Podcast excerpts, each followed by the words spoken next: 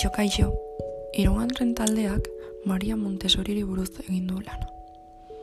Eta eskola berri hau izan orain arte gehien ezagutzen nuena. Janak irakurrita nuelako testu bat berari bez, hau esaderako.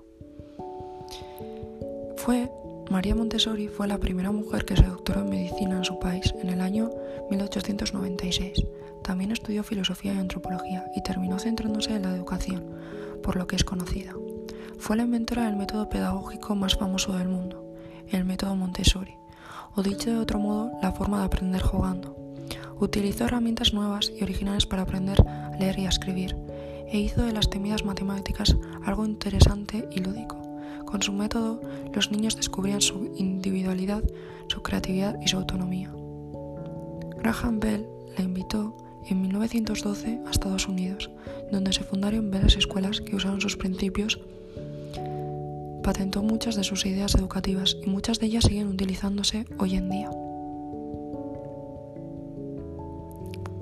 Hortaz, nik beste galaki batzuekin bat eginez, uste dut Maria Montessori dela aldaketa gehien lortu duenetariko bat bere metoden bitartez. Aipagarrinetakoa eta ezagunetarikoa delako.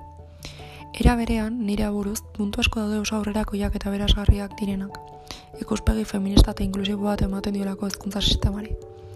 Alaber, ezinbesteko iruditzen zai gaitasunak edo tetrebetasunak garatzea.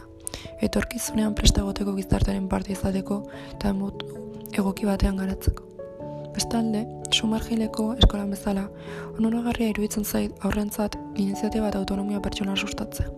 Eta beraien kabuz ikastea, independentak izateko eta jolasten ikasteko, nahi duten moduan. Izan ere, Maria Montesorik dio, aurrek laguntza behar badute gorasun gana edo familiako gana jo behar dutela lehenengo eta ni ados nago berarekin.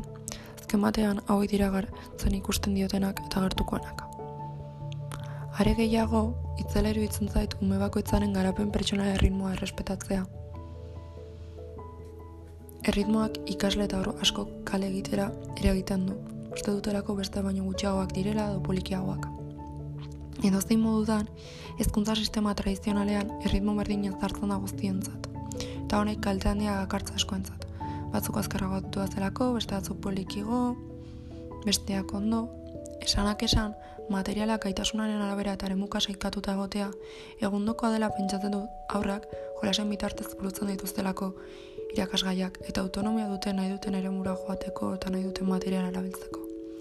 Horren bestez, orain arteko eskola berri eta alternatik guztia kontuan hartuta, hau da gehien atsegin dudana, aristian esan dako zerbait ezaugarri teoria honetan batzen edo elkartzen direlako.